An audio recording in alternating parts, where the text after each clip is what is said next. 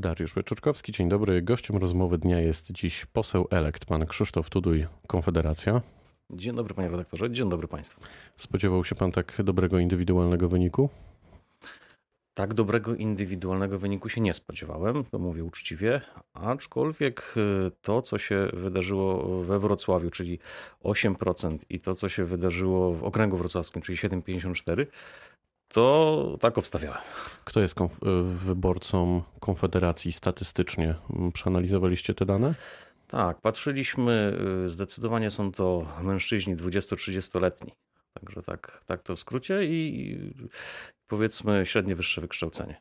Od złożenia jakich e, projektów zaczniecie pracę w Sejmie? E, Dzisiaj e, jest, zresztą za godzinę w Sejmie, konferencja prasowa. Mm, Będziemy prezentować projekt ustawy o Trybunale Konstytucyjnym, która ogranicza możliwość bycia sędzią Trybunału osobom, które w służbie, pracowały w służbie czy bezpieczeństwa, czy w organach, w organach bezpieczeństwa PRL-u. A z taką sytuacją mamy do czynienia, bo Prawo i Sprawiedliwość do, na sędziego Trybunału zgłosiło pana Piotrowskiego, który był Pana Piotrowicza. Piotrowicza, przepraszam uprzejmie. To się faktycznie wczoraj wydarzyło. Obok pana Piotrowicza jest pani Krystyna Pawłowicz i pani Elżbieta Hojna-Duch jako kandydaci Prawa i Sprawiedliwości na sędziów Trybunału Konstytucyjnego. Czy wam się podobają te nazwiska? Wy się pod tym podpisujecie? Czy z jednej strony już mi pan powiedział, że jeśli chodzi o pana Piotrowicza, to nie, a pozostałe dwa nazwiska? E, powiem tak. E, pani, e, pani Krystyna Pawłowicz jest, przynajmniej ma wykształcenie, w sensie kompetencje, kompetencje prawne do tego są. Także, także no to jest lepiej zawsze niż, niż osoba zupełnie z politycznego nadania. A gdy taka pani poseł wspomniana mówi na przykład o unijnej szmacie, to, to widzi pan problem, czy nie? Ma pan na myśli flagę tak. unijną. No panie redaktorze, my jako, jako Konfederacja Grup Narodowych jesteśmy uniosceptyczni, więc wielkiej miłości do, do tej flagi Unii Europejskiej nie Bardziej pytam, nie wie pan o język. No, pani Pawłowicz jest znana z ostrego języka i tutaj tą debatę publiczną podkręca swoim emocjonalnym językiem.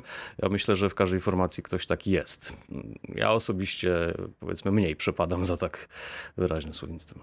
Ale po was też chyba można się spodziewać kąśliwych komentarzy, tak sobie myślę o panu Braunie albo Januszu Korwin-Mikke. No nie tylko, ale jak najbardziej będzie można się spodziewać przede wszystkim, przede wszystkim wyraźnych komentarzy. No mamy, mamy taką sytuację, jesteśmy małą formacją w Sejmie.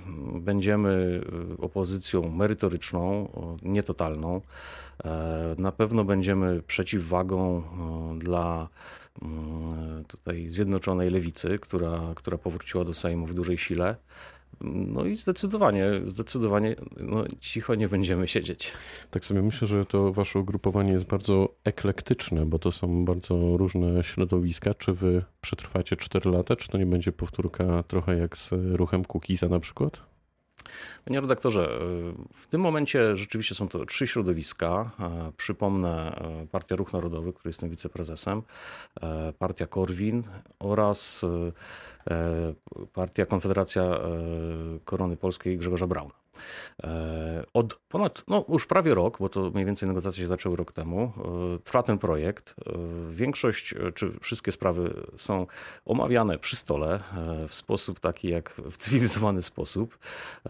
Te osoby, te środowiska, które w projekcie Konfederacja um, chciały się nim posłużyć, jakby mówiąc przedmiotowo, to przyszły i wyszły. I, i, I, tych nazwisk, tych środowisk przez, przez ten rok, przez, te, przez tą szczególnie kampanię wiosenną było, było sporo. Moim zdaniem ten projekt ma duże szanse na, na to, żeby przetrwał z dwóch powodów. Czy, czy może, z, no właśnie, po pierwsze jest, jest już zaprawiony w boju, tak? ukonstytuowaliśmy się i, i dwie kampanie za nami. Drug, pierwsza prawie skuteczna, druga, druga skuteczna. To raz, ale dwa, zaciągnęliśmy bardzo duże zobowiązanie. Zagłosowało na nas dwa razy więcej wyborców niż suma naszych elektoratów wcześniejszych, czyli mówimy w tym momencie o, o, milionie 250 tysiącach głosów. To jest dużo, mamy, jesteśmy trochę onieśmieleni w dobrym tego słowa znaczeniu, cieszymy się z tego wyniku. Traktujemy to jako zobowiązanie i no, to inaczej porównanie, do, porównanie do, do tego pospolitego ruszenia, jakim był Kukiz 15, moim zdaniem lepiej się na, znacznie lepiej się na tym klasujemy. A powstanie wspólne koło? Tak, tak, już powstało. Czyli znaczy, to jest, już, już to jest pewne, tak? Że te trzy środowiska będą przynajmniej tak. na razie tak, to mówić jednym głosem. W pierwszych dniach były, były dywagacje yy, różne, natomiast, natomiast jest już za nami decyzja, już złożyliśmy, złożyliśmy do, do odpowiednich władz wniosek o zarejestrowanie koła. I jak idą przygotowania do Marszu Niepodległości tegorocznego? E, no Marsz Niepodległości to rzeczywiście ogrom, e, ogrom pracy, mm, w większości społecznej, no bo, no bo tak, to, tak to wygląda. Stowarzyszenie Marsz Niepodległości jest e, organizatorem tego wielkiego Marszu Polaków. Co warto podkreślić, to jest dziesiąty marsz, także, także okrągła rocznica i jednocześnie 30. rocznica od 89. Także, także ciekawy, ciekawy czas. Spodziewamy się znowu dziesiątek tysięcy Polaków. Moim zdaniem moim zdaniem, no frekwencja nie będzie taka jak w zeszłym roku, kiedy mieliśmy setną rocznicę, ale, ale e, wydaje mi się, że poniżej 100 tysięcy już ten marsz e, jeszcze przez wiele lat nie spadnie. Mm, budzi emocje, jest to niesamowite przeżycie, piękne, patriotyczne, podniosłe, takie jednoczące Polaków. Jak idą przygotowania? No przede wszystkim Myśli pan, że ten marsz faktycznie jednoczy Polaków? No, jednoczy, jednoczy Polaków e, pod, e, dla tych, tych Polaków, którym zależy na, na Polsce, rozumianej jako, jako projekt polityczny, rozumianej jako idea, e, rozumianej jako ja myślę, że wszystkim Polakom zależy na Polsce. Proszę? Ja myślę, że wszystkim Polakom zależy na Polsce.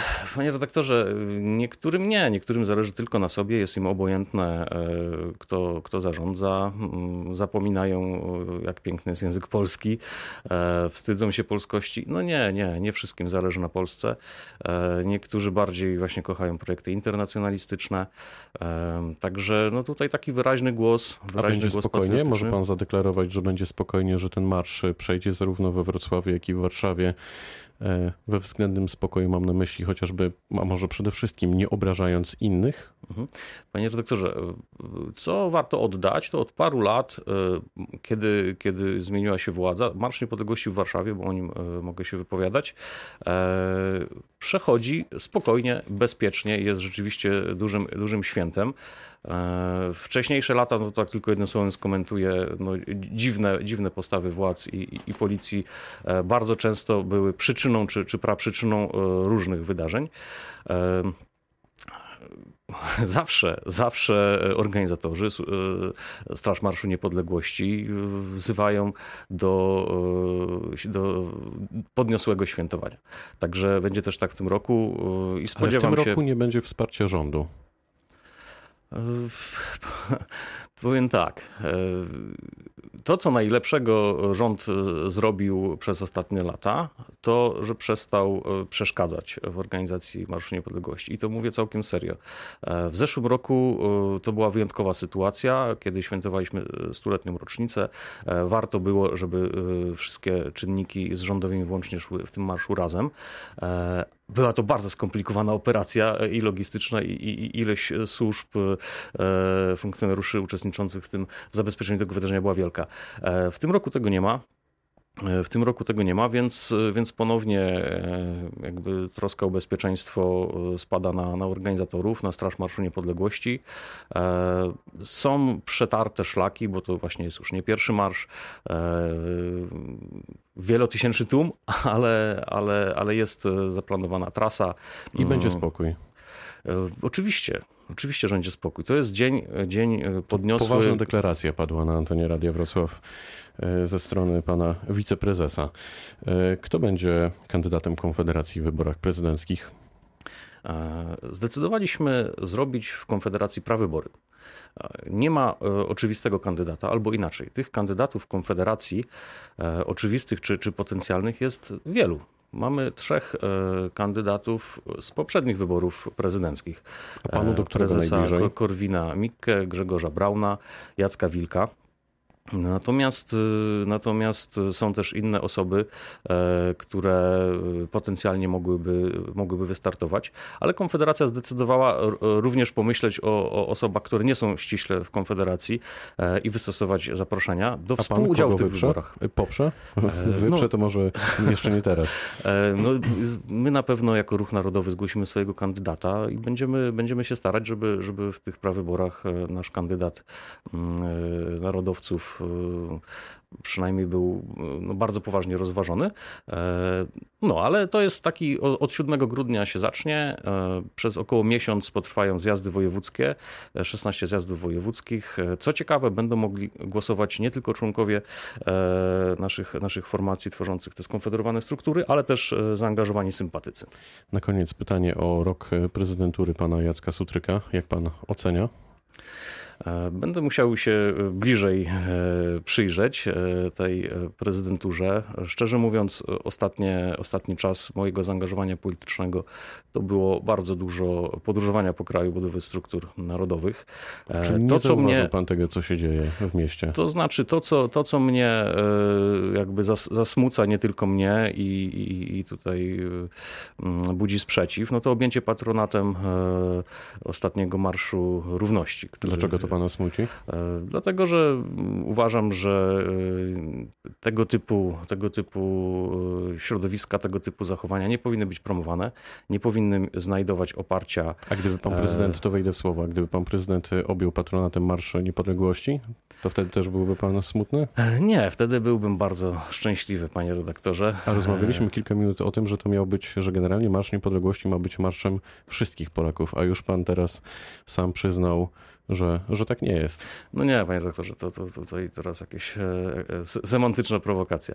E, no, stawia pan w tym momencie na równi niepodległość państwa, świętowanie niepodległości państwa, przywiązanie do polskości, do kultury, do języka, do tradycji, do historii. Stawia pan na, na równi e, z e, promocją powiedzmy powiedzmy zboczeń i, i tutaj takich postaw, które, które uderzają w rodzinę, uderzają e, w dzieci.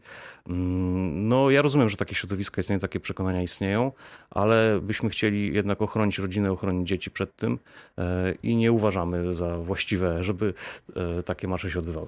Powiedział pan Krzysztof Tuduj, poseł elekt z Konfederacji. Bardzo dziękuję za spotkanie. Dziękuję uprzejmie. Pozdrawiam. Pytał Dariusz Wieczorkowski. Dobrego dnia.